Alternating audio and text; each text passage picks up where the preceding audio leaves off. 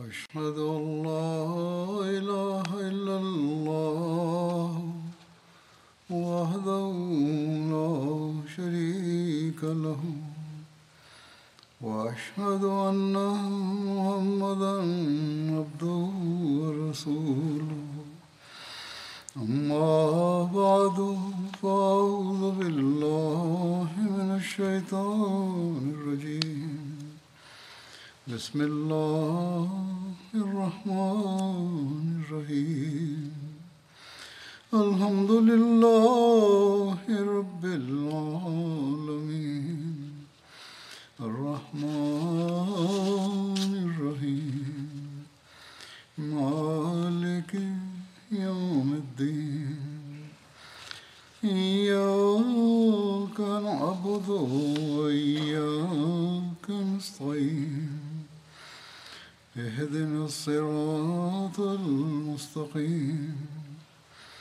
صراط الذين أنعمت عليهم غير المغضوب عليهم ولا الضالين. لن تنالوا البر حتى تنفقوا مما تحبون وما تنفقوا tidak akan oh, dapat mencapai kebajikan sejati. Sebelum kalian mengorbankan harta yang kalian cintai di jalan Allah Ta'ala, dan sesungguhnya Allah Maha Mengetahui harta apa saja yang kalian persembahkan.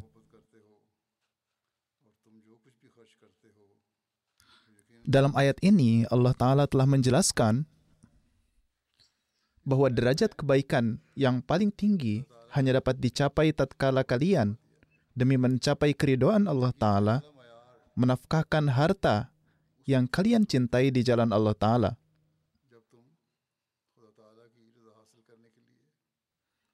Dalam menjelaskan hal ini, Hazrat Masih Maud alaihissalatu di dalam satu tempat bersabda, kalian tidak akan dapat meraih kebaikan hakiki, yaitu kebaikan yang membawa kepada najat atau keselamatan, selama kalian tidak membelanjakan harta yang kalian cintai di jalan Allah Ta'ala. Kemudian di satu tempat lain, beliau alaihissalatu wassalam bersabda, seseorang hendaknya jangan mencintai hartanya. Allah Ta'ala berfirman, Lan tanalul birro hatta tunfiku mimma tuhibbun. Kalian sekali-kali tidak akan dapat mencapai kebajikan sejati sebelum kalian mengorbankan harta yang kalian cintai di jalan Allah Ta'ala. Beliau alaihissalatu wassalam bersabda, tidak ada orang yang menafkahkan sesuatu yang tidak berguna dan tidak berharga dapat mengaku telah melakukan suatu kebajikan. Pintu kebajikan itu adalah sempit. Jadi ingatlah baik-baik bahwa tidak ada seorang pun yang dapat memasukinya dengan membelanjakan barang-barang yang tidak bernilai. Hal ini karena ada pernyataan yang jelas dalam Al-Quran, Lan birro hatta tunfiqu mimma tuhibbun, yakni hingga kalian membelanjakan harta-harta yang paling kalian cintai dan sayangi, kalian tidak akan bisa mencapai derajat sebagai hamba-hamba yang dicintai dan disayangi oleh Tuhan. Jika kalian tidak ingin menanggung kesulitan dan tidak berusaha menerapkan kebajikan yang sejati, bagaimana mungkin kalian dapat menjadi hamba-hamba yang sukses dan berhasil? Apakah para sahabat Rasul yang mulia itu mencapai derajat yang mereka raih itu secara cuma-cuma? Seseorang harus menanggung banyak biaya dan menempuh berbagai kesulitan demi meraih suatu gelar duniawi. Dan hanya melalui ini, barulah seseorang mendapatkan suatu gelar yang kecil, yang bahkan tidak mendatangkan kepuasan dan ketenangan bagi batinnya. Sekarang renungkanlah, apakah gelar radhiyallahu anhum atau Allah ridha kepada mereka yang merupakan lambang ketenangan batin, ketentraman hati, dan tanda keridoan Tuhan, apakah ini diraih dengan mudah tanpa usaha oleh para sahabat? Kenyataannya, keridoan Allah Ta'ala yang merupakan landasan bagi kebahagiaan sejati tidak akan dapat dicapai selama seseorang belum menanggung berbagai kesulitan yang adalah sementara. Tuhan tidaklah bisa ditipu. Berbahagialah orang yang tidak memperdulikan penderitaan yang dideritanya demi memperoleh keridoan Allah. Hal ini karena cahaya kebahagiaan abadi dan ketentraman abadi dianugerahkan kepada orang mukmin setelah menanggung kesulitan sementara ini. Jadi, inilah pemahaman tentang membelanjakan harta yang ingin ditanamkan oleh Hazrat Masih Maud alaihissalam di dalam diri kita sesuai dengan petunjuk Allah Ta'ala. Ini merupakan ihsan atau kebaikan yang sangat besar dari Allah Ta'ala kepada jemaat dan kepada setiap Ahmadi yang telah memahami hal ini dan menyerahkan hartanya di jalan agama. Yakni terlepas dari berbagai macam kebutuhan untuk dirinya. Banyak anggota jemaat yang menyerahkan hartanya untuk dibelanjakan bagi kebutuhan agama. Ada ribuan contoh di mana para Ahmadi mengesampingkan kebutuhan pribadinya dan mempersembahkan pengorbanan demi kepentingan agama. Saat ini kita melihat kondisi perekonomian dunia semakin memburuk.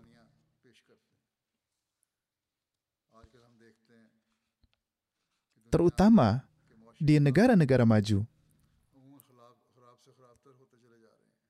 Saat ini, keadaan negara-negara maju pun tidaklah tetap sama, di mana mereka merasa nyaman dan memiliki segala sesuatu yang berkelimpahan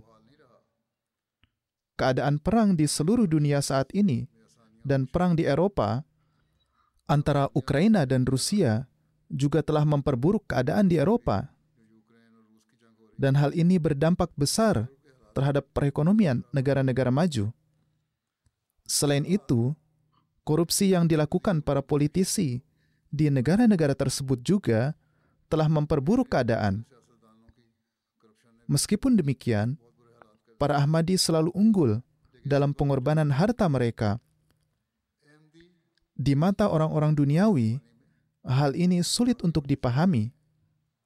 Namun bagi orang-orang yang teguh keimanannya, mereka mengetahui bahwa sebagai hasil dari pengorbanan yang diberikan, maka tampaklah karunia-karunia Allah Ta'ala.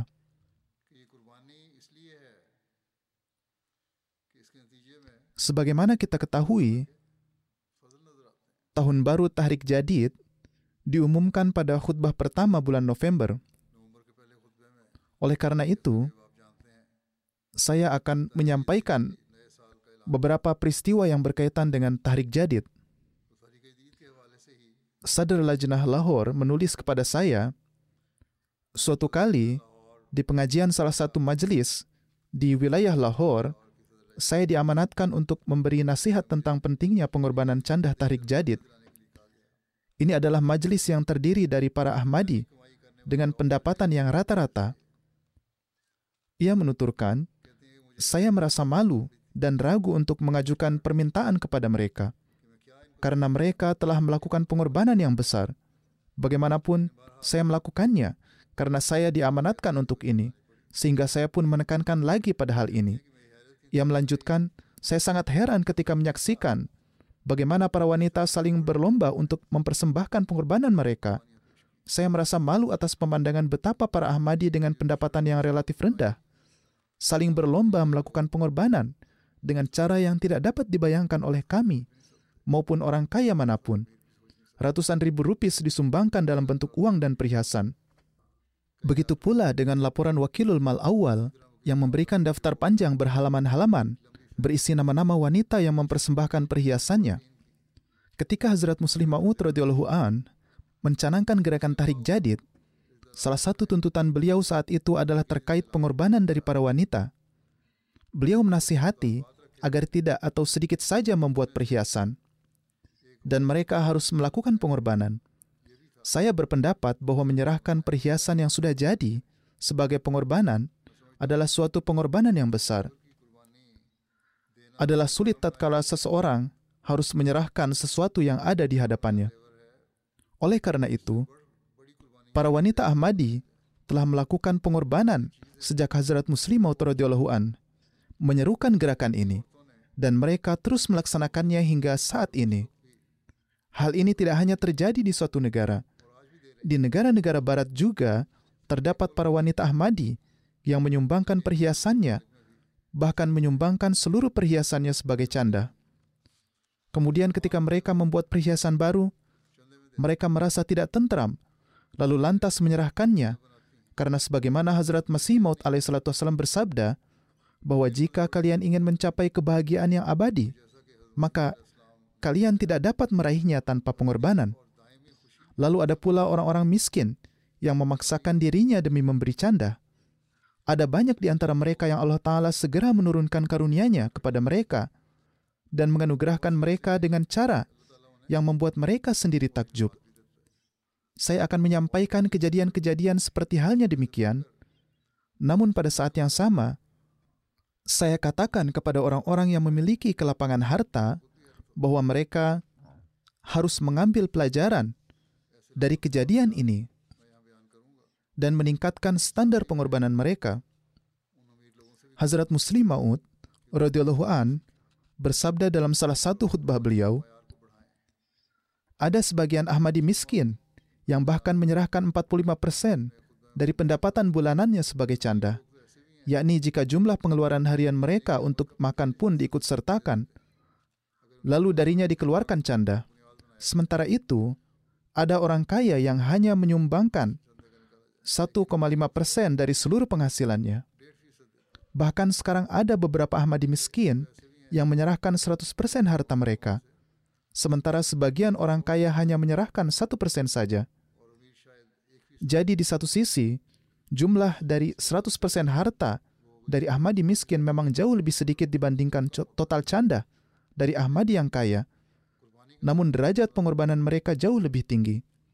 Oleh karena itu, dalam hal ini, mereka yang berkecukupan harus mengevaluasi kembali diri mereka. Ingatlah bahwa Allah Ta'ala tidak pernah menyimpan pinjaman. Sebagaimana Allah telah berfirman di suatu tempat dalam Al-Quran, bahwa Allah memberikan imbalan 700 kali lipat atau bahkan lebih dari itu. Jadi dengan demikian, saya bermaksud menyampaikan beberapa contoh Ahmadi yang telah berkorban, seperti yang sebelumnya saya sampaikan, dan dengan ini kita dapat mengetahui betapa tinggi keimanan dan semangat mereka. Dan dengan ini juga kita menyaksikan bagaimana karunia Allah Ta'ala turun langsung pada mereka.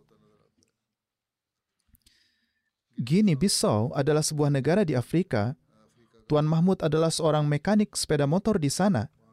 Dan ketika datang mubalik yang mendorongnya untuk melunasi tarik jadid, ia lantas mengeluarkan semua uang yang ada di dalam sakunya, yaitu 10 ribu frank sifa. Saat itu juga menantu perempuannya datang bertemu. Dia sedang ada di rumah dan meminta sejumlah uang untuk memasak makanan di rumah.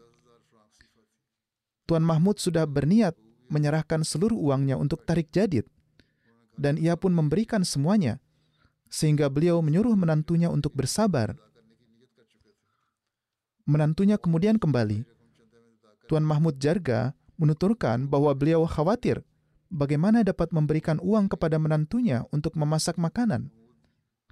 Lalu beliau menerima panggilan telepon dari kantor pemerintah bahwa beliau harus datang ke kantor. Ketika tiba di sana, mereka memberitahu beliau bahwa beliau telah memperbaiki sepeda motor mereka selama setahun terakhir dan mereka belum membayarnya. Jadi mereka memberi beliau cek sebesar 198 ribu frank sifa. Setelah menerima cek tersebut, Tuan Mahmud segera kembali ke rumah dan memanggil menantu perempuannya serta seluruh keluarganya sambil berkata, Lihatlah, berkat-berkat dari pengorbanan harta di jalan Allah, Tuhanku sebagai imbalannya telah memberi saya sejumlah uang yang tidak pernah saya duga. Mubalik di Fiji menulis, di suatu perjalanan, ada seorang Ahmadi dari Nandi bernama Tuan Ashfaq yang berkata bahwa dirinya mendengarkan khutbah saya sebelumnya tentang tarik jadid dan menyimak beberapa peristiwa yang saya sampaikan. Peristiwa-peristiwa ini memberi pengaruh besar pada dirinya, sehingga ketika suatu saat beliau pergi seraya mengemudikan mobil, beliau menelepon sekretaris tarik jadid dan memohon agar canda tarik jadid beliau dilipat gandakan. Beliau bekerja sebagai pebisnis. Saat menyusun laporan keuangan tahunan untuk bisnisnya, di tahun itu keuntungan beliau juga meningkat dua kali lipat. Mengenai hal ini, beliau berkata, saya yakin keuntungan ganda ini bukan karena kerja keras atau usaha kami. Ini adalah murni karunia Allah Ta'ala yang setelah melipat gandakan canda saya ini. Mubalik dari Moskow menulis, Tuan Ruslan Pikinyu dari Kirgistan yang telah lama tinggal di Moskow selama 14 tahun, menuturkan bahwa beliau pernah ikut juga dalam pengorbanan harta sebelumnya. Kira-kira satu tahun yang lalu, ketika beliau mendengar khutbah Jumat, saya tentang pengorbanan harta, beliau mengatakan bahwa beliau sangat senang menyimaknya dan berkata, saya juga akan termasuk di antara orang-orang yang berkurban. Karena itu, beliau mulai menyerahkan 10% dari penghasilan hariannya untuk canda dengan tanpa henti. Sebagian beliau peruntukkan sebagai sedekah dan sebagian untuk canda.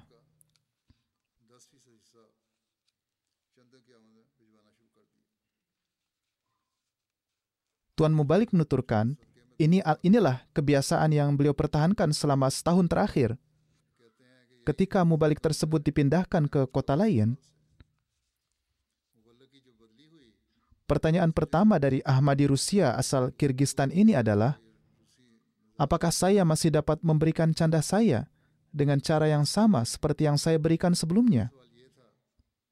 Jadi, inilah suatu perubahan besar yang telah ditanamkan oleh Hazrat Masih Maud alaihissalam di dalam diri manusia, yakni mereka senantiasa gelisah dalam semangat memberikan canda. Tuan Amir Tanzania menulis, ada satu jemaat, di sana ada seorang bernama Muhammad Sani Sahib. Perusahaan tempatnya bekerja mengalami kerugian. Oleh karena itu, majikannya mengatakan akan ada pemotongan gaji untuk seluruh karyawan Beliau sangat sedih ketika mendengar ini, karena ini adalah bulan terakhir pembayaran tarik jadid. Ketika dihubungi oleh Mubalik mengenai canda, beliau bahkan tidak mengungkapkan situasi sulit yang tengah beliau hadapi. Sebaliknya, beliau menaruh kepercayaan penuh pada Allah Ta'ala dan memenuhi perjanjiannya. Beliau berkata, keesokan harinya, pemilik perusahaan menelepon dan mengatakan bahwa tidak akan ada pemotongan gaji bagi beliau. Ada pemotongan gaji bagi semua rekan kerjanya, namun beliau menerima gaji secara penuh. Beliau berkata, ini terjadi karena canda tarik jadid yang telah saya serahkan sebelumnya. Di satu negara bernama Malawi, ada seorang lajnah lanjut usia dari distrik Magochi yang bertani di sana untuk memenuhi kebutuhan hidupnya, beliau berjanji sejumlah uang untuk tarik jadid tetapi masih belum memenuhinya. Ketika menerima pengingat pada akhir tahun yang menyampaikan bahwa jika seseorang belum memenuhi janjinya, maka mereka harus melakukannya,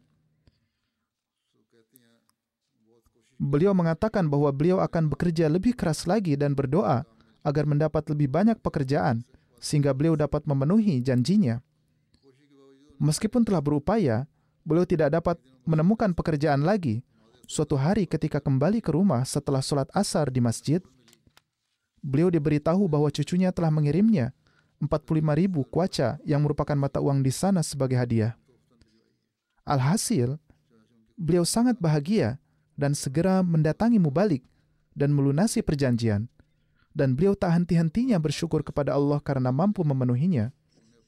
Lihatlah betapa seorang Ahmadi miskin pun secara gelisah terus memperhatikan pelunasan canda mereka. Tuan Amir Tanzania menuturkan, ada seorang wanita bernama Nyonya Maryam dari jemaat Sinyanga Beliau mengatakan bahwa dirinya telah menerima telepon dari mubalik yang memberitahunya tentang canda tarik jadid yang belum dilunasi. Beliau berkata, saya hanya punya 10 ribu siling untuk kebutuhan rumah tangga saya, tapi saya menyerahkannya untuk tarik jadid. Kemudian, sudah merupakan rencana Allah bahwa pada hari yang sama, Allah Ta'ala memberikan 100 ribu siling kepada saya. Beliau mengatakan bahwa semua ini adalah berkah dari canda. Dari Gini Bissau, ada seorang mubayyin baru bernama Tuan Usman. Beliau telah menderita banyak kesulitan keuangan dalam hidupnya. Bisnis apa pun yang dimulai tidak pernah berhasil. Dalam kekhawatiran ini, beliau tertidur di malam hari dan beliau bermimpi mendengar suara yang mengatakan, Usman, berikanlah candahmu secara teratur. Pada pagi harinya, Usman sahib menemui Mubalik dan menceritakan mimpinya. Setelah mendengar hal ini, Mubalik itu menceritakan kepadanya perihal tarik jadid dan berbagai candah lainnya, yang mana Tuan Usman segera memberikan candah tarik jadid dan membuat daftar semua candah lainnya, dan mulai secara rutin menyerahkan candahnya. Tuan Usman mengatakan bahwa sejak dirinya mulai rutin mempersembahkan semua candahnya, Allah Ta'ala memberikan keberkahan dalam semua usahanya dan menyelesaikan semua kesulitan pribadinya. Sekarang beliau berkeyakinan kuat bahwa semua ini adalah karunia yang beliau terima dari pengorbanan tarik jadid dan semua candah rutin lainnya. Jadi seperti inilah cara Allah Ta'ala dalam mengingatkan dan peristiwa ini terjadi juga pada mubayyin baru lainnya. Allah Ta'ala tidaklah membutuhkan harta ini, melainkan dia melakukan ini untuk menurunkan anugerahnya kepada manusia. Seorang mubalik di Australia bernama Tuan Kamran menuturkan, ada seorang hadim yang tidak memberikan canda sejak kurang lebih 10 tahun saya duduk bersamanya dan memberitahunya tentang berkat-berkat pengorbanan harta. Setelah itu, ia mulai memberi candahnya dan sekaligus memberi candah tarik jadid dan wakfi jadid. Mubalik menuturkan, beberapa hari berlalu dan hadim ini menelepon dan berkata bahwa dengan karunia Allah Ta'ala, ia menerima kenaikan jabatan di tempat kerja, di mana beliau sendiri tidak menyangka akan menerimanya. Dan berkata bahwa hal tersebut hanyalah berkat pengorbanan di jalan Allah Ta'ala. Dan sekarang ia yang telah malas selama 10 tahun ini berkata bahwa ia tidak akan pernah malas lagi dalam menyerahkan candahnya. Di desa Niamina di Gambia, ada seorang Ahmadi bernama Tuan Usman. Sekretaris Tarik Jadid pergi ke desanya. Saat menyampaikan himbauan mengenai canda, pengurus itu menyatakan bahwa ini bukan semata pengorbanan harta, tetapi beberapa tujuannya juga untuk menambah ilmu dan untuk tablik. Jika Anda termasuk orang yang ikut tarik jadid, maka jangan mengira Anda telah memberikan candah dan sekarang tugas Anda sudah selesai. Anda telah memberikannya. Selain itu, sebaiknya Anda juga memperbanyak ilmu agama dan terjun dalam pertabligan. Beberapa hari yang lalu, saya mengambil janji dari Hudam dan Ansar. Perhatikanlah janji itu, dan kita harus maju dalam upaya-upaya di medan pertabligan. Janganlah setelah melakukan pengorbanan harta kita berpikir, bahwa kita telah mencapai tujuan kita. Salah satu tujuan tarik jadid juga adalah pertabligan. Dan inilah salah satu alasan utama dimulainya gerakan tarik jadid. Menuturkan, saya sangat terkesan dengan hal ini dan saya tidak hanya memutuskan untuk bayat masuk ke dalam jemaat. Pada saat itu beliau belum bayat, namun ketika saya mengetahui tujuan tujuan tarik jadid, saya memutuskan untuk bayat masuk ke dalam jemaat dan setelah itu saya berikrar akan memenuhi janji saya sebesar 150 dalasi untuk tarik jadid. Beliau berkata bahwa setelah melakukan pengorbanan harta, beliau merasakan perubahan besar dalam dirinya. Dan beliau bertablik kepada Ahmadi dan non-Ahmadi tentang Islam Ahmadiyah. Saat ini beliau telah secara rutin memberikan canda am juga. Seorang lajnah dari Gambia menulis, sejak melakukan pengorbanan harta, saya merasakan perubahan besar dalam diri saya dan anak-anak saya, dan telah melihat bahwa Allah Ta'ala memenuhi semua kebutuhan kami. Bertakwa dan berkorban di jalan Allah Ta'ala membantu seseorang meraih karunia-karunia Allah Ta'ala. Guinea Conakry, sebuah negara di Afrika, mubalik lokal di sana Tuan Kamara mengisahkan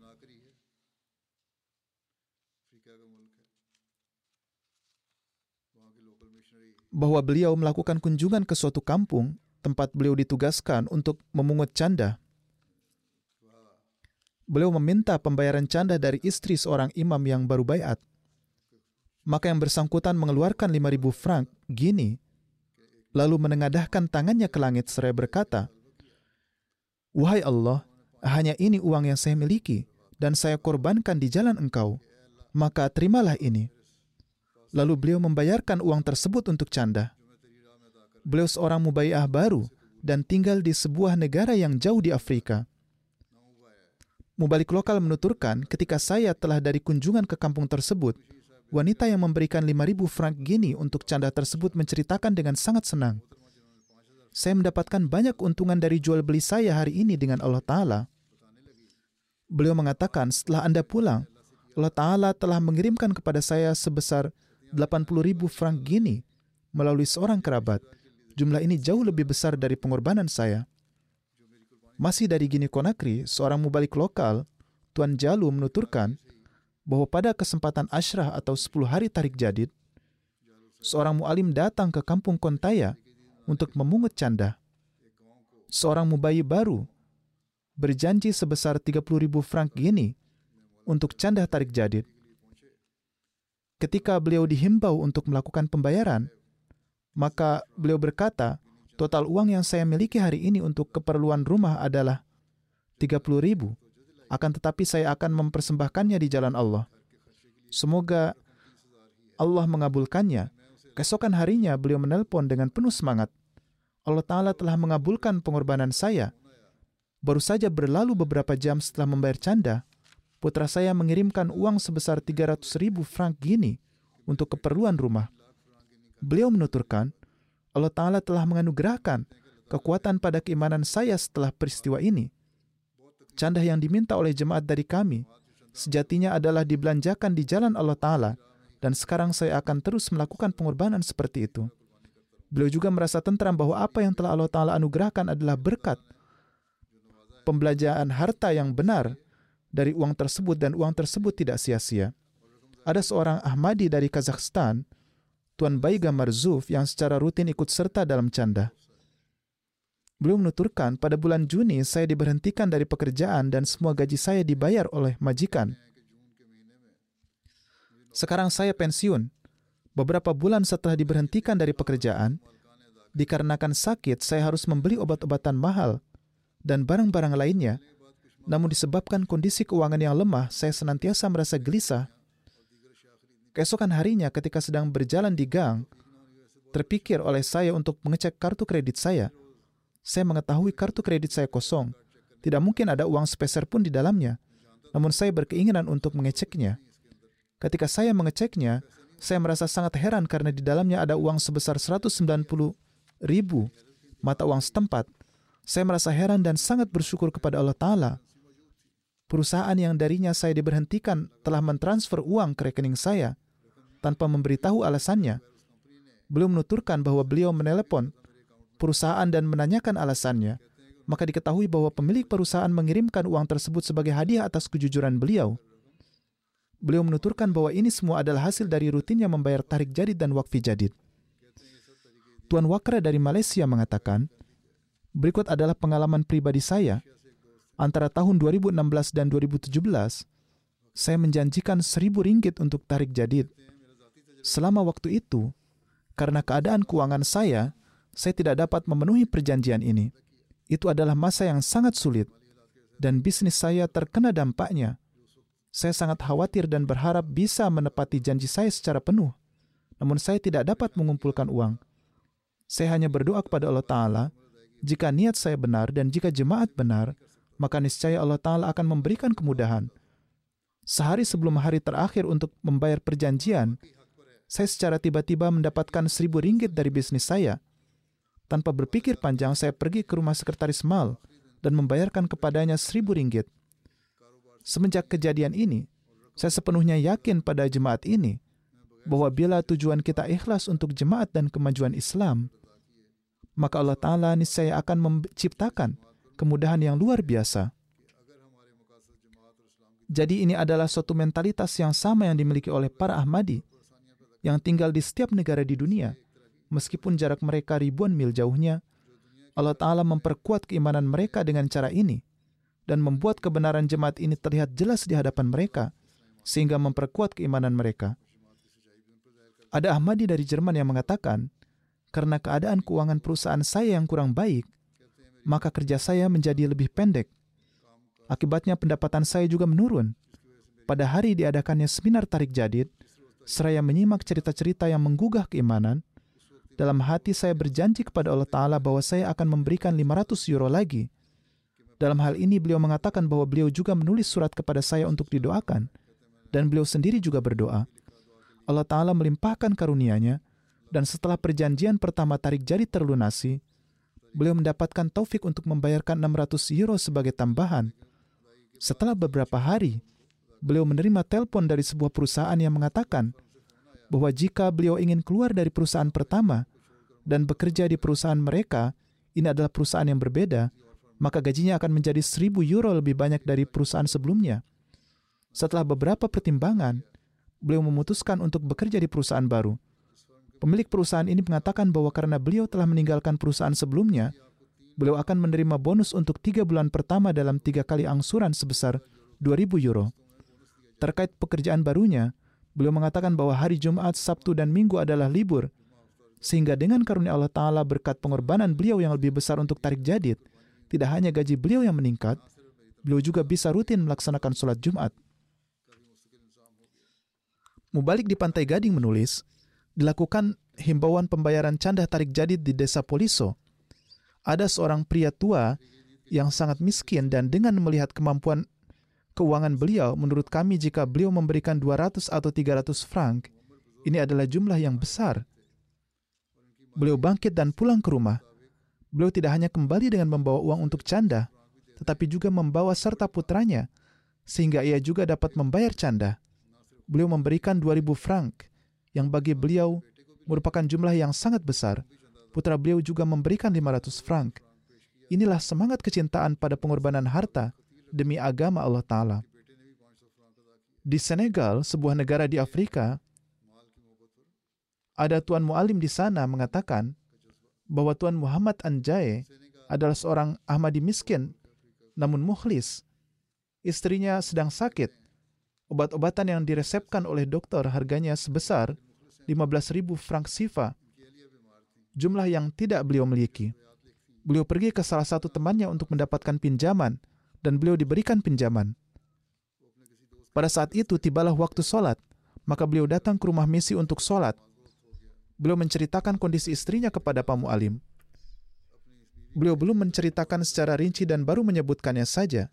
Pak Mu'alim mendahului pembicaraannya dan menyampaikan mengenai kegiatan Asyrah Tarik Jadid yaitu hendaknya beliau berkorban di jalan Allah, maka Allah Ta'ala akan menciptakan kemudahan. Lalu beliau menceritakan situasi yang menghambat beliau dan berkata, saya akan melakukan pembayaran dalam dua hingga empat hari.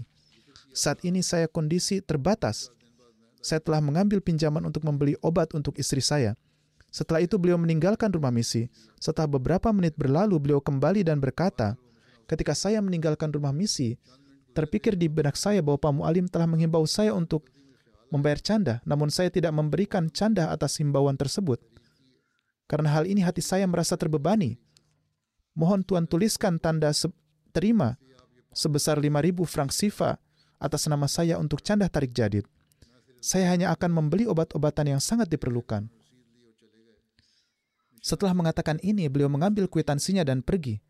Setelah meninggalkan rumah misi, belum sampai di apotik ketika beliau menerima panggilan telepon penelpon itu berkata, saya ingin membuat tempat tidur, jadi saya mentransfer 5.000 frank sifa kepada Tuan.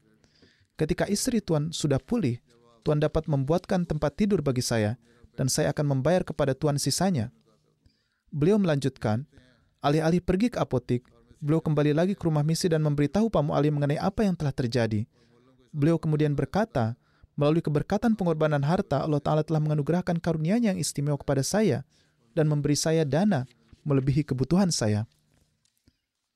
Masih dari Senegal, Pak Mu'alim di sana menulis, Tuan Wagan, seorang anggota yang tulus, telah menjanjikan 10.000 frank sifa untuk canda tarik jadid. Beliau diberitahu bahwa tahun tarik jadid akan segera berakhir. dan beliau masih mempunyai sisa uang yang belum dibayar. Beliau menjawab, "Saat ini saya tidak punya dana, namun jangan khawatir, saya akan membayar jumlah tersebut sebelum tahun ini berakhir, meskipun saya harus menjual pakaian saya sendiri." Inilah bagaimana semangat beliau. Pak Mu'ali menceritakan, beberapa hari kemudian, beliau sendiri yang datang ke rumah saya dan meminta saya untuk menerima candahnya dan berkata, saya sangat khawatir tentang hal ini. Dan hari ini secara tidak terduga, putri saya mengirimi saya sejumlah uang. Oleh karena itu, pertama-tama saya datang untuk membayarkan canda saya. Ada orang-orang yang begitu mukhlis di dalam jemaat, mereka tidak peduli pada hal-hal duniawi. Tuan Amir Niger menulis, ada seorang mualim lokal di sini yang istrinya merupakan ibu rumah tangga dan tidak mempunyai penghasilan. Pak Mualim biasa membayarkan tarik jadid atas namanya. Ketika istrinya mengetahuinya, beliau berkata, tahun ini saya sendiri yang akan membayarkan canda saya. Mohon catat 8.000 frank sifa sebagai perjanjian saya. Suaminya, yakni Pak Mualim, mempertanyakan bagaimana beliau akan memenuhi perjanjiannya namun beliau menjawab dengan mengatakan, saya yakin Allah Ta'ala akan menerima pengorbanan saya. Kebetulan setelah beberapa hari seorang wanita dari tetangganya mendatanginya dan bertanya apakah beliau bisa menjahitkan pakaian untuknya. Wanita tersebut juga membayar beliau di muka sebesar 3.000 frank sifa yang segera beliau bayarkan untuk canda tarik jadid. Setelah itu beliau mendapatkan banyak pesanan hingga beliau dengan mudah melunasi perjanjiannya. Ketika Hazrat Muslim Maud radhiyallahu an memulai gerakan ini, para wanita menulis kepada beliau radhiyallahu an mengenai anjuran beliau untuk menyumbangkan lima hingga sepuluh rupiah. Mereka mengatakan bahwa mereka tidak dapat membayar sekaligus, namun mereka meminta agar diperbolehkan membayar satu hingga dua rupiah secara bertahap per bulan hingga mencapai jumlah penuh. Semangat yang ditunjukkan saat itu masih ada hingga saat ini. Kenyataannya, semangat ini ada pada diri mereka yang berada ribuan mil jauhnya mereka dapat mendengar langsung perkataan Khalifatul Masih, meskipun sebagian dari mereka tidak dapat memahami bahasanya. Kendati demikian, mereka unggul dalam ketulusan mereka. Seorang mu'alim dari Senegal menulis, di cabang lokal Tambakonda, Tuan Saidi memiliki kawanan domba beliau menelepon untuk menanyakan apa sebenarnya tarik jadid itu. Ia telah mendengar sebelumnya bahwa para Ahmadi harus membayar canda tarik jadid. Pak Mu'alim menjelaskan mengenai tarik jadid secara rinci kepadanya dan memberitahunya bahwa mereka sedang menjalani kegiatan asyrah 10 hari tarik jadid. Beliau menceritakan kepada Pak Mu'alim bahwa ayahnya adalah orang kaya namun ia lalai dalam membayar zakat dan membelanjakan hartanya di jalan Allah. Namun demikian ia menunjukkan keramahan kepada para ulama. Sepeninggal ayahnya, beliau mendapatkan banyak warisan berupa hewan-hewan ternak. Namun pada diri beliau juga tidak timbul perhatian terhadap infak di jalan Allah. Ketika Pak Mu'alim mengarahkan perhatiannya pada zakat dan bentuk pengorbanan harta lainnya, beliau memberikan satu ekor sapi dan dua ekor domba dan memberikan secara khusus satu ekor domba untuk tarik jadid. Tujuh hari kemudian, beliau bermimpi melihat penyakit aneh menyebar di antara hewan-hewan yang menyebabkan air keluar dari tubuh mereka dan menyebabkan mereka mati. Karena beliau juga mempunyai kawanan hewan yang banyak, dalam mimpinya beliau menjadi khawatir dan berdoa, Ya Allah lindungi hewan-hewanku. Setelah itu beliau mendengar suara nyaring dalam mimpinya yang menyatakan bahwa hewan-hewannya akan aman berkat keikutsertaannya pada canda tarik jadid. Kemudian beliau melihat sebuah kertas dengan tulisan Bismillahirrahmanirrahim tertulis di barisan pertama dan nama beliau juga tertulis.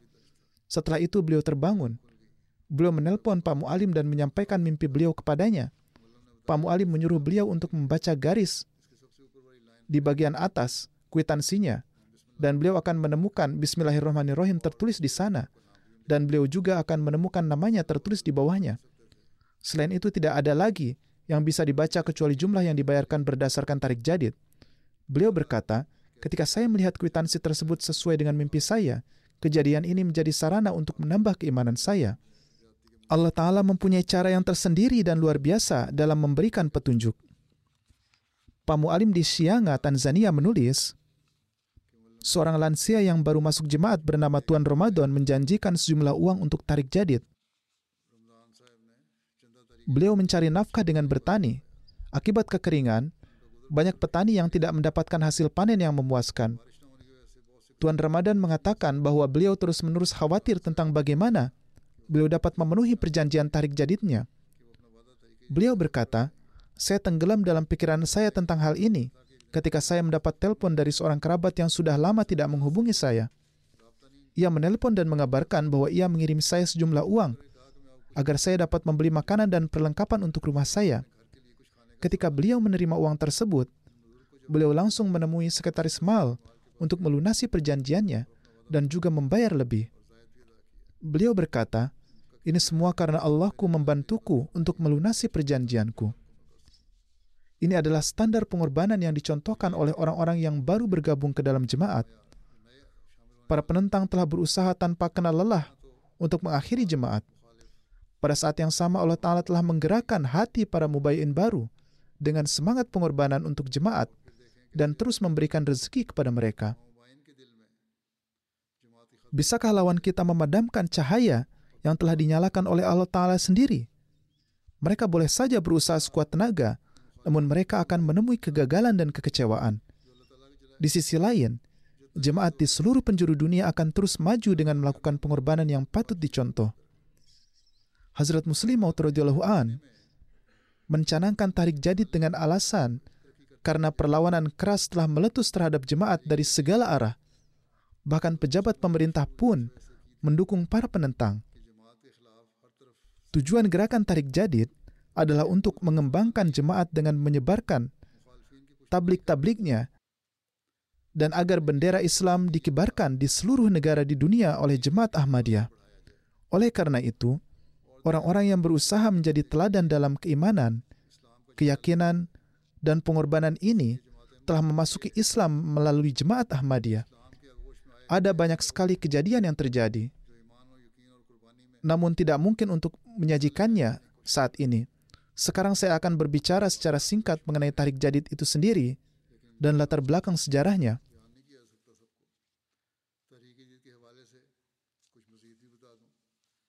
Seperti yang telah saya sebutkan sebelumnya, penentangan dan gangguan muncul dari berbagai arah terhadap jemaat. Pada masa itu, khususnya golongan Ahrar mengerahkan seluruh upayanya dan mengklaim bahwa mereka akan menghapus Ahmadiyah dari muka bumi. Mereka mengatakan bahwa mereka akan melenyapkan setiap dinding kadian dan meratakannya dengan tanah.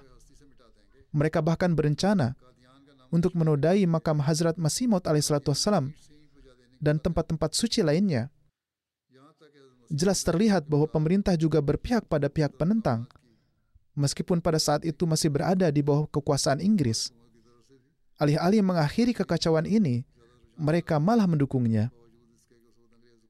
Mengingat keadaan inilah Hazrat Muslim an menguraikan sebuah program di hadapan jemaat dan mencanangkan gerakan ini dan perhatian juga diarahkan pada pengorbanan harta Peristiwa ini terjadi pada tahun 1934.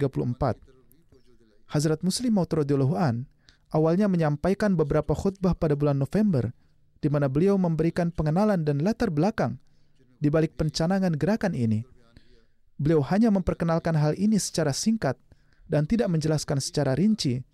Namun para anggota jemaat yang mukhlis mulai menulis surat kepada beliau, mengungkapkan kesediaan mereka untuk mempersembahkan segala jenis pengorbanan yang Hazrat Muslim Maud an kehendaki. Hazrat Muslim Maud bersabda, saya menyebutkan rinciannya agar jemaat siap untuk berkorban karena kadang-kadang jangka waktu pengorbanan diperpanjang dan para wanita serta anak-anak juga harus siap untuk berkorban. Ini bukan tugas para pria saja, tapi wanita juga harus memahami tanggung jawabnya. Dengan kata lain, hal ini tidak diwajibkan bagi semua orang pada saat itu, namun para anggota jemaat menunjukkan tingkat ketulusan dan kesetiaan yang luar biasa. Alhasil Hazrat Muslim Maud an secara resmi mengumumkan gerakan tersebut pada tahun 1934 dan menyatakan, kita harus menanggapi taktik jahat para penentang bukan dengan menciptakan kekacauan seperti mereka, melainkan melalui tablik. Kenyataannya satu-satunya alasan para penentang mempunyai kesempatan untuk melakukan hal ini adalah karena kita belum memenuhi hak tablik kita sebagaimana mestinya. ketekunan yang seharusnya kita tempuh belum dilakukan. Upaya-upaya yang seharusnya dilakukan untuk menyebarkan dakwah Ahmadiyah ke seluruh penjuru dunia belumlah terwujud. Kita belum memenuhi hak sebagaimana mestinya dalam hal ini. Pada saat itu, Hazrat Muslim Maud an merancang sebuah program di mana perhatian para anggota diarahkan pada islah dan untuk meningkatkan standar pengorbanan mereka. Beliau juga menarik perhatian mereka terhadap pengorbanan harta untuk mengumpulkan 27 ribu rupiah dalam jangka waktu tiga tahun. Namun Allah Ta'ala atas karunia-Nya memberikan taufik kepada para Ahmadi yang penuh dengan keikhlasan dan kesetiaan untuk mendengarkan seruan khalifah saat itu dan berhasil mengumpulkan 100 ribu rupiah dalam setahun. Mengingat situasi keuangan jemaat pada masa itu, hal ini merupakan pengorbanan yang sangat besar. Pada saat itu, orang-orang biasa mempersembahkan pengorbanan sebesar satu anna atau seperempat rupiah. Besarnya pengorbanan yang ditunjukkan oleh para anggota pada saat itu diterima oleh Allah Ta'ala. Hal ini tidak hanya membuka jalan tablik baru dengan cara yang luar biasa, dan pengorbanan tersebut tidak hanya terbatas pada orang-orang tersebut saja, namun contoh-contoh seperti itu terlihat jelas, bahkan sampai hari ini seperti kisah-kisah yang baru saja saya sampaikan. Alhasil, mereka tidak hanya mengorbankan kekayaan mereka, tetapi juga mengabdikan hidup mereka demi Islam. Mereka melakukan perjalanan ke negeri-negeri yang jauh untuk bertablik, dan beberapa dari mereka bahkan dipenjara dan harus menanggung penderitaan yang luar biasa sebagai akibatnya. Awalnya Hazrat Muslim an memperpanjang gerakan ini selama 10 tahun berikutnya. Dari yang semula 3 tahun diperpanjang menjadi 10 tahun. Setelah 10 tahun berlalu, dan setelah menyaksikan hasilnya yang bermanfaat, dan atas keinginan orang-orang yang ingin mempersembahkan pengorbanan, beliau menjadikan rencana ini sebagai rencana yang permanen. Tanda-tanda menakjubkan akan dukungan dan pertolongan Allah Ta'ala yang kita saksikan saat ini – adalah hasil pengorbanan para anggota sebelumnya yang diterima oleh Allah Ta'ala. Bahkan beberapa dari mereka yang baru bergabung telah terinspirasi melalui mimpinya untuk berpartisipasi dalam gerakan ini, seperti yang saya sebutkan dalam kisah-kisah sebelumnya. Keturunan para Ahmadi awalin yang melakukan pengorbanan harus mengingat pengorbanan yang orang tua mereka lakukan dan tidak hanya berusaha untuk menanamkan semangat pengorbanan ini pada anak-anak mereka, tetapi mereka juga harus mempersembahkan pengorbanan sebanyak yang mereka bisa berkat karunia yang telah dianugerahkan kepada mereka. Para anggota awalien yang mengikuti tarik jadid adalah berjumlah 5.000 orang dan mereka adalah mujahid daftar awal tarik jadid. Hazrat Khalifatul Masih Rabi rahimahullah memberikan perhatian khusus kepada keturunan mereka untuk terus melakukan pengorbanan mereka hingga hari kiamat, dan dengan demikian terus memberikan pengorbanan atas nama mereka. Ketika saya umumkan daftar registrasi yang kelima, saya kembali memperhatikan hal ini, dan sekarang dengan karunia Allah Ta'ala, semua rekening mereka masih aktif. Ketika jangka waktu 10 tahun berlalu bagi para anggota daftar pertama, Hazrat Khalifatul Masih Sani an mengumumkan daftar kedua dan dengan demikian, pendatang baru dia tambahkan ke daftar ini. Dan beliau juga menyatakan bahwa daftar ini akan berlanjut untuk jangka waktu tertentu selama 19 tahun dan setiap 19 tahun sekali daftar baru akan diumumkan. Sesuai dengan petunjuk ini, daftar ketiga diumumkan oleh Hazrat Khalifatul Masih Salis rahimahullah. Menurut aturan 19 tahun, hal ini sebenarnya dimaksudkan untuk diumumkan pada tahun 1964. Namun karena sakit Hazrat Khalifatul Masih Sani, beliau tidak dapat mengumumkan daftar som atau daftar ketiga. Oleh karena itu Hazrat Khalifatul Masih Salis rahimahullah menyatakan bahwa meskipun beliau mengumumkan dimulainya daftar baru, namun hal ini akan dikaitkan dengan Hazrat Muslim an dan bahwa Allah Ta'ala juga akan mengizinkan saya untuk mengambil bagian dari berkat tersebut. Oleh karena itu, pengumuman resmi daftar ini dilakukan pada tahun 1966. Namun Hazrat Khalifatul Masih Salis menyatakan bahwa periode waktunya akan dimulai pada bulan November 1965. Kemudian pada tahun 1985, daftar keempat atau daftar Caharum diumumkan oleh Hazrat Khalifatul Masih Rabi rahimahullah. Daftar ini tetap berdiri untuk jangka waktu 19 tahun. Pada tahun 2004, ketika periode ini berakhir, saya kemudian mengumumkan daftar kelima dan sekarang setelah periode 19 tahun berakhir, saya mengumumkan dimulainya daftar Shasham atau daftar keenam. Sekarang, mereka yang baru masuk jemaat, setiap bayi yang baru lahir, atau siapa pun yang bukan bagian dari daftar sebelumnya, akan dimasukkan dalam daftar keenam ini, yaitu daftar Shasham. Alhasil, para pengurus jemaat harus menerapkannya sesuai dengan ini.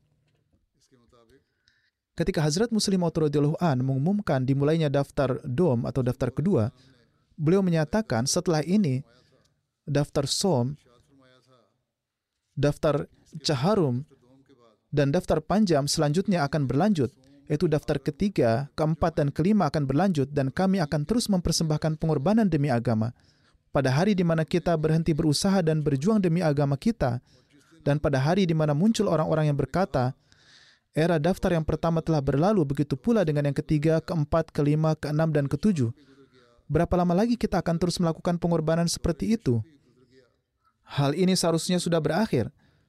Atas hal ini, Hazrat Muslim Maud an menyatakan, ini sebenarnya adalah pernyataan dari orang-orang yang seolah-olah mengatakan bahwa keruhanian kami telah berkurang dan keimanan kami menjadi lemah. Namun kami berharap bahwa era tarik jadid ini tidak terbatas, Sebagaimana bintang di langit tidak dapat dihitung, masa tarik jadid juga tidak akan terhitung jumlahnya. Sebagaimana Allah Ta'ala telah berfirman kepada Nabi Ibrahim alaihissalam bahwa beliau akan dikaruniai keturunan yang begitu banyak, sehingga tidak dapat dihitung lagi dan keturunannya memang berperan besar dalam pengabdian pada agama. Demikian pula halnya era tarik jadid. Era tarik jadid tidak didasarkan pada jumlah orang, melainkan kumpulan pengorbanan yang dipersembahkan demi agama, sehingga era ini juga tidak terbatas dan akan menjadi landasan yang sangat kuat bagi Islam dan Ahmadiyah. Oleh karena itu, setiap Ahmadi harus mengevaluasi tingkat pengorbanan mereka sendiri dengan mengingat hal ini. Saya baru saja menyajikan beberapa contoh bagaimana Allah Ta'ala memberkati orang-orang yang berkorban. Ini adalah kesaksian Allah melalui dukungan nyatanya bahwa ini merupakan gerakan ilahi. Sehubungan dengan tarik jadid, Hazrat Muslim Maud an menghubungkan tarik jadid dengan nizam al-wasiat. Saya menjelaskan hal ini dengan kata-kata saya sendiri.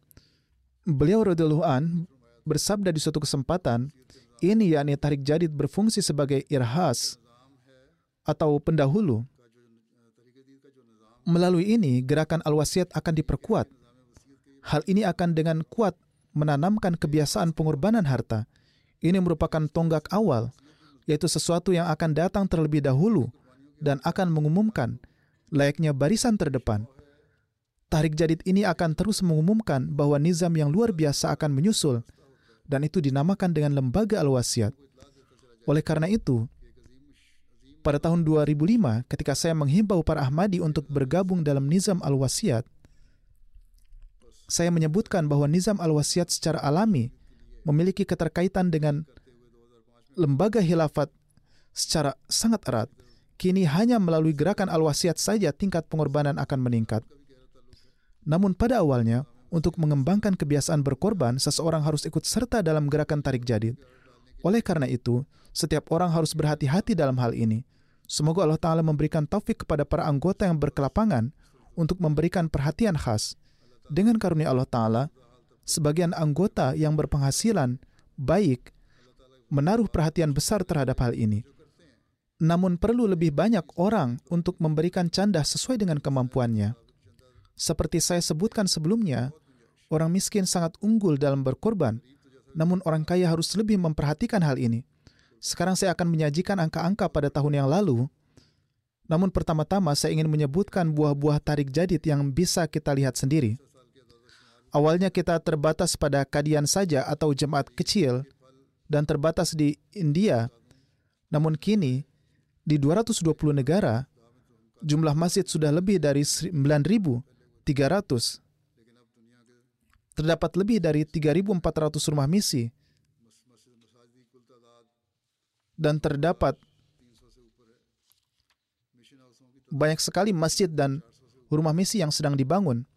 Jumlah total mubalik dan mualimin di seluruh dunia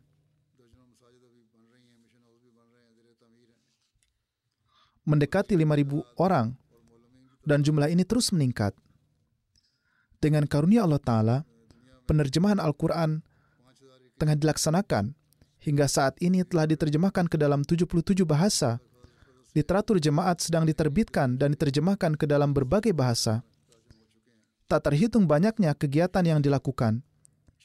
Semua ini terjadi melalui tarik jadid.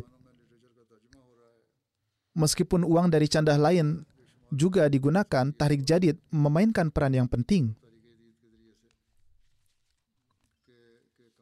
Dengan karunia Allah Ta'ala, saya akan mengumumkan tahun baru tarik jadid pada tanggal 31 Oktober, tahun Tahrik Jadid yang ke-89 telah berakhir dan kini kita telah memasuki tahun yang ke-90. Dengan karunia Allah Ta'ala, Jemaat Ahmadiyah sedunia berkesempatan untuk mempersembahkan pengorbanan senilai total 17,2 juta pon, Alhamdulillah,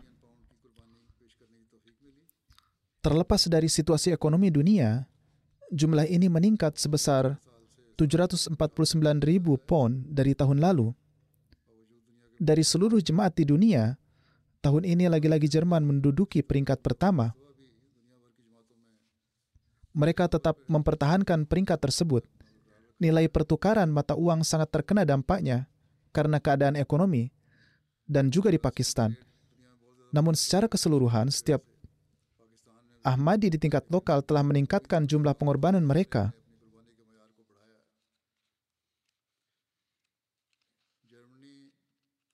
Selain Pakistan, 10 posisi teratas adalah sebagai berikut. Seperti yang saya sebutkan, secara keseluruhan, jemaat berada di peringkat pertama, mereka unggul dari negara lain. Diikuti oleh Inggris, Kanada turun ke peringkat ketiga, Amerika Serikat turun ke peringkat keempat, dan satu negara di Timur Tengah peringkat kelima.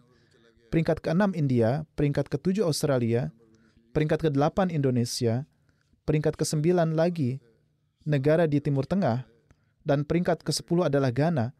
Mata uang di sana di Ghana juga mengalami devaluasi yang sangat besar. Namun kendati demikian, mata uang tersebut tetap berada di peringkat 10 pada tahun ini. Jemaat-jemaat kecil yang telah memberikan jumlah yang berarti meliputi Irlandia, Mauritius, Belanda, Malaysia, Singapura, Selandia Baru, Kazakhstan, Georgia, dan lain-lain.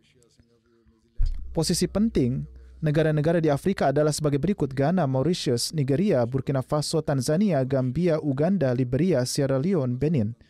Jumlah total peserta lebih dari 1.637.000 dan negara-negara yang membuat kemajuan besar dalam hal ini adalah Guinea Conakry, Jamaika, Kyrgyzstan, Zambia, Nepal, Ghana, Kenya, Tanzania, Kongo Kinshasa, Kongo Brazzaville, Nigeria, Senegal, Pantai Gading, dan sebuah negara di Timur Tengah. Sepuluh jemaat teratas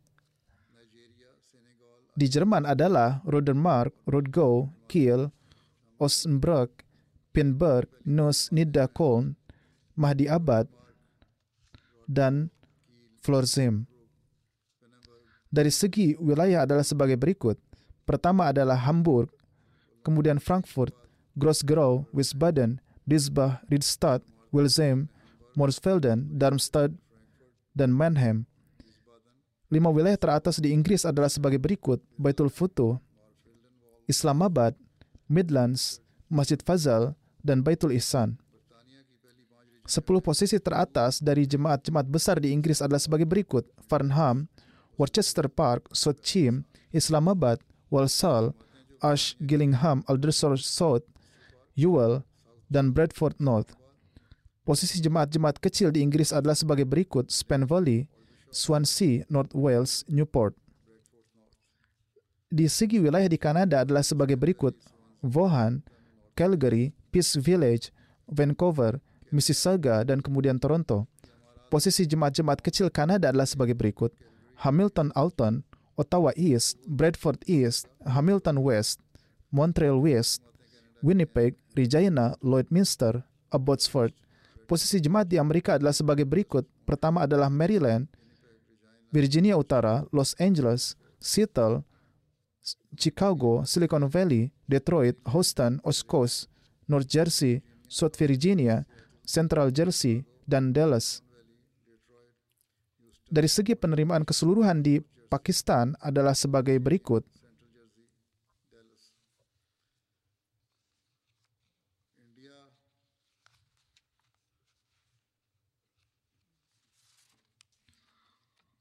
Lahore adalah peringkat pertama, peringkat kedua Rabuah, dan peringkat tiga Karachi.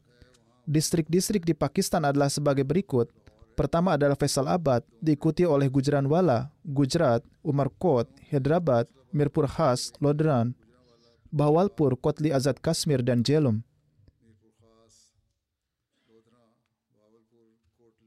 Dari segi penerimaan keseluruhan, posisi jemaat lokal di Pakistan adalah sebagai berikut. Imarat Tonsip Lahore, Imarat Alama Iqbal Ton Lahore, Imarat Daruzikir Lahore, Imarat Azizabad Karachi, Imarat Mugalpura Lahore, Multan, Imarat Baitul Fazal Faisalabad, Gujranwala, Quetta, Peshawar. Posisi jemaat-jemaat kecil adalah sebagai berikut. Kokar Garbi, Chawinda, Kot Sarifabad, Basirabad Sin, Kharia, Hyderabad, Pindi Bago, Darul Fazal Kundri, Pertanian Nawazabad, Khairpur.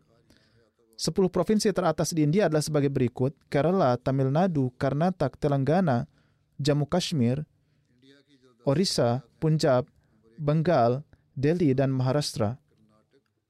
Dalam hal penerimaan total, 10 jemaat teratas adalah sebagai berikut Coimbatore, Tamil Nadu, Kadian, Hyderabad, Kalikut, Manjeri, Melapalam, Bangalore, Kolkata, Karulai, dan Kerang. 10 jemaat teratas Australia adalah sebagai berikut. Melbourne, Long Warren, Melbourne, Berwick, Marsden Park, Penrith, Perth, Adelaide West, Castle Hill, Brisbane Logan East, Parramatta, dan Melbourne Clyde. Ini adalah 10 jemaat. Semoga Allah Ta'ala melimpahkan keberkatan pada harta dan jiwa semua orang yang berkorban dan semoga mereka dapat berkorban lebih banyak lagi dari sebelumnya. Ingatlah selalu, orang-orang Palestina dalam doa-doa Anda, jangan lupakan mereka, para wanita dan anak-anak yang ditindas secara ekstrim. Semoga Allah Ta'ala segera membebaskan mereka dari hal ini.